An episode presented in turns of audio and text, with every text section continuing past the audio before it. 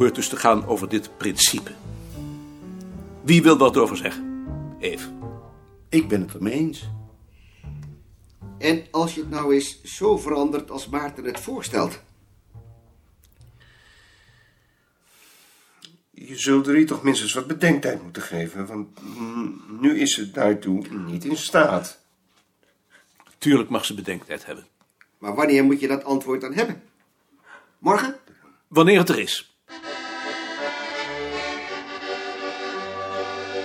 Denk je werkelijk dat je antwoord krijgt?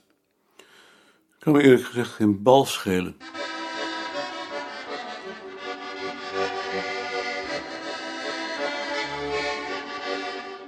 Heb je vandaag nog iets? De huishouding natuurlijk. Wat moet je dan doen? Dat weet ik nog niet.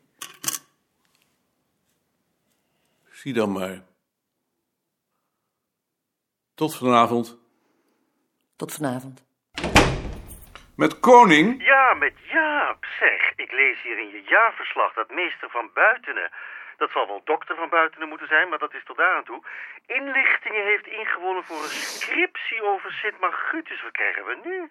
Gaat hij van Buitenen op zijn oude dag nu ook nog studeren? Of hoe zit dat?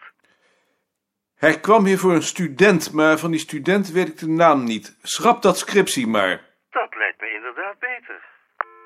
Tegen de paal. Morgen. Dag Joop. Smiddags zat hij in het zolderkamertje aan het bureau van Beerta en tekende plattegronden van de huizen waarvan hij boedelbeschrijvingen had. Achter hem stond het raam op een kier. Het geloop in het gebouw, het slaan met deuren irriteerde hem. Hij was moe. In de kamer van Engelien, aan de overzijde van de gang, ging de telefoon. Hij hoorde haar snel de trap opkomen. Ze liet de deur openstaan. Hij probeerde niet te luisteren, maar haar stem drong zich op. Een koude, behaagzieke stem. Met Engelien? Hé, hey, hallo. Ja. Over de veranderende zinsbouw van het Brugs in de 13e tot de 17e eeuw? Nee. Waarom irriteert me dat, dacht hij. Ik wilde eigenlijk promoveren op de taalkundige structuur van recepten. Hij herinnerde zich een kop op de voorpagina van Folia van de vorige week. Universiteit moet vrouwen voor laten gaan. Daar had het iets mee te maken. De kookboeken staan hier op het instituut in een kast op de kamer van een collega die de hond meeneemt naar het werk. Hij had een hekel aan de universiteit. Hij hoefde er goddank niet meer heen. Maar blijkbaar was zijn hekel aan mensen die zich breed maakten en vonden dat ze ergens recht op hadden nog groter. Van die mensen was Engelien op dit ogenblik de belichaming. Die hond ligt altijd voor de kast met kookboeken en bespringt iedereen die binnenkomt. En omdat ik er eigenlijk niet langs durf, heb ik maar een veiliger onderwerp gekozen. En hij bedacht voor de zoveelste keer dat het aardig zou zijn om dit soort irritaties stelselmatig te noteren, al was het alleen al om jezelf beter te leren kennen.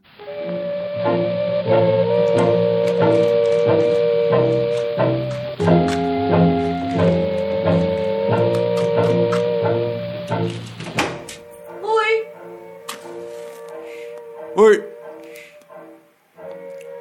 Hoi. Hoi.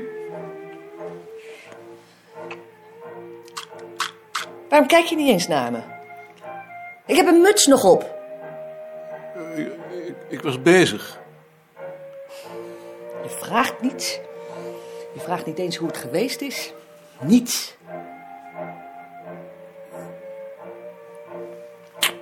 Hoe was het? Triest natuurlijk. Hoe was het met zijn katten?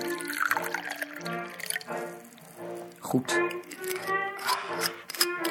En met de stank? Die is wat minder. Nu is de waterleiding weer bevroren.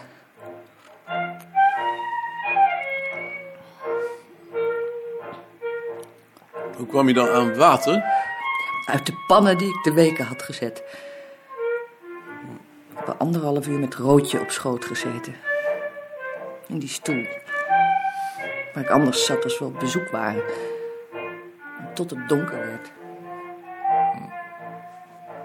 Als iemand er zelf niet bij is, dan zie je pas hoe klein en armoedig het is. Daar zat hij dan, in die armoedige stoel. En op het kastje liggen zijn dagboeken. Die heeft hij niet eens weggeborgen. Gek, hè? Omdat hij van die dokter meteen door is gestuurd naar het ziekenhuis natuurlijk. Maar het is toch gek?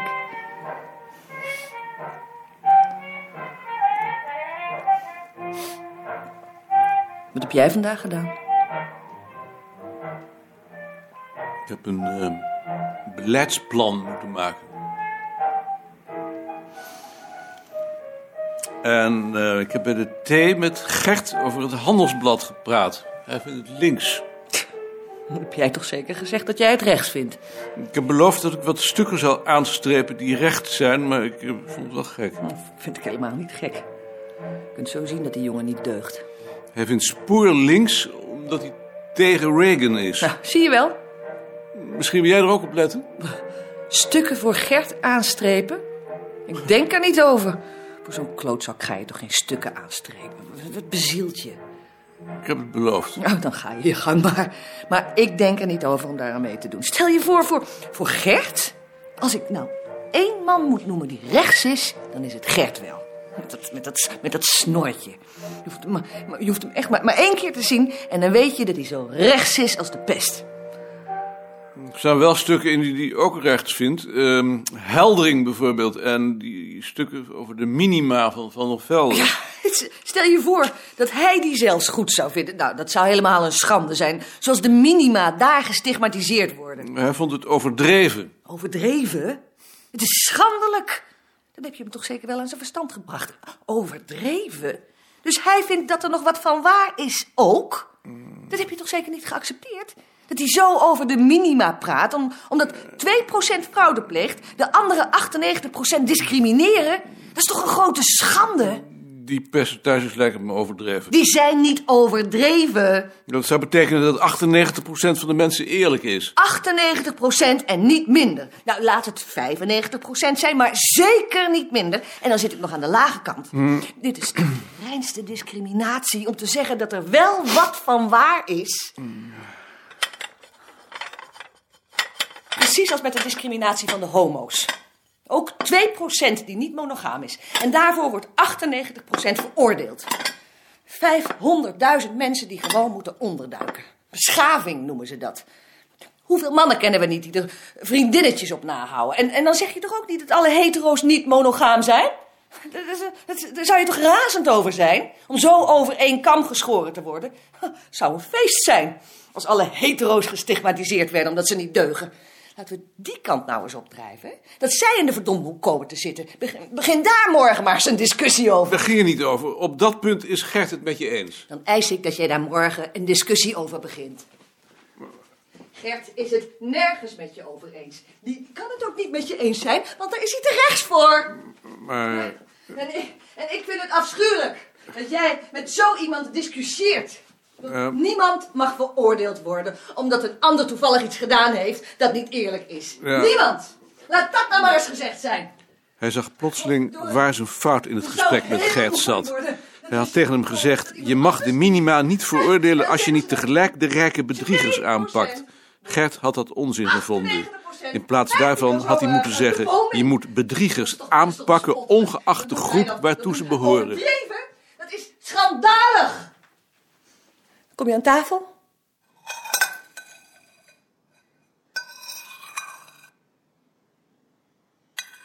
Ben je triest? Waarom ben je triest? Om die poezen. Die poezen, daar vinden we toch wel wat op. Gaat het toch niet om? Waar gaat het dan om? Ook gewoon om de situatie. Dus niet om de poezen? Wel om de poezen. Om de situatie van de poezen. Ik vind het zo verdrietig, ja. Om niemand anders zou ik zo'n verdriet hebben. Behalve om jou. Iemand die zo... ja, onmaatschappelijk was. De enige waar wij met plezier naartoe gingen. En niet omdat het moest. Dat is nu voorbij.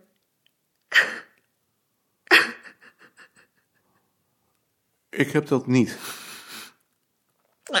Omdat jij het allemaal verstopt. Dat is nou juist zo verschrikkelijk.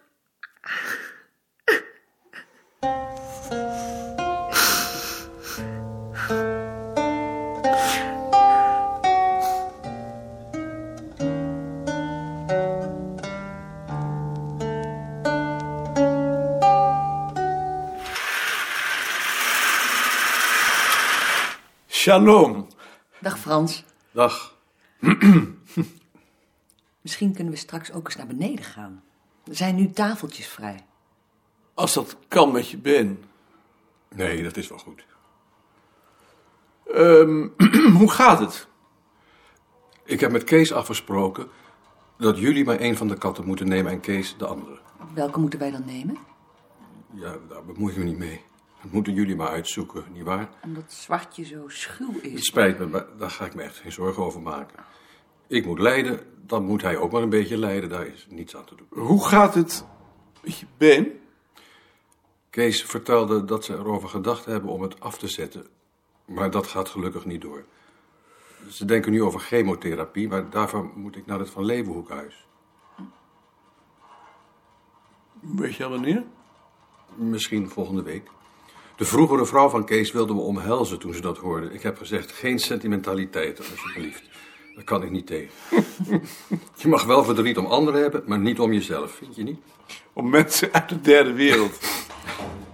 Zullen we dan nu niet naar beneden gaan? Of wil je liever hier blijven? Nee, ik moet toch ook oefenen van de zuster, anders wordt mijn been stijf. Nou, hou je been toch stijf. Frans. Zo beter. Zal ik vast vooruit lopen en een tafeltje zoeken? Ik zou eigenlijk liever daar zitten. Zo. Zal ik even koffie halen?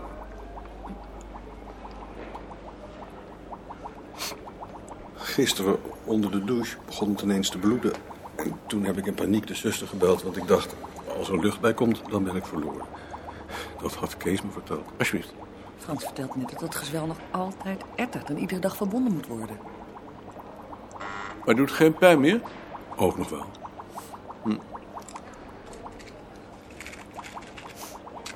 Schrijf je nou nog in je dagboek? Ja, maar geen gedachten, want die kan ik niet aan. Ik heb natuurlijk ook mijn angst. Alleen feiten. Ja, zo kun je het wel noemen.